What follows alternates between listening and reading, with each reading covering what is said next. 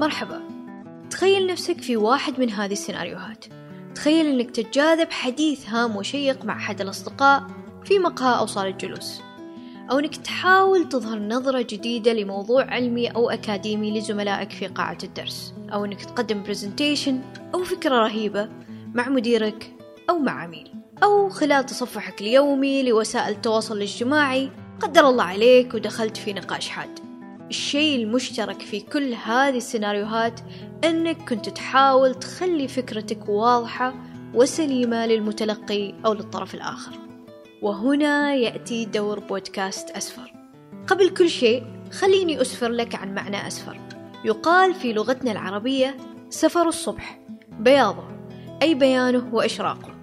وأسفر الشيء أي بان وانكشف.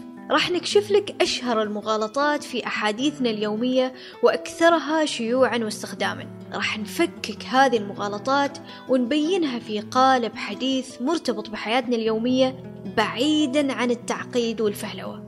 ورغم أن كلنا نسعى أن نحصل على بيئة صحية للتفكير والحوار إلى أن في النهاية نظل بشر.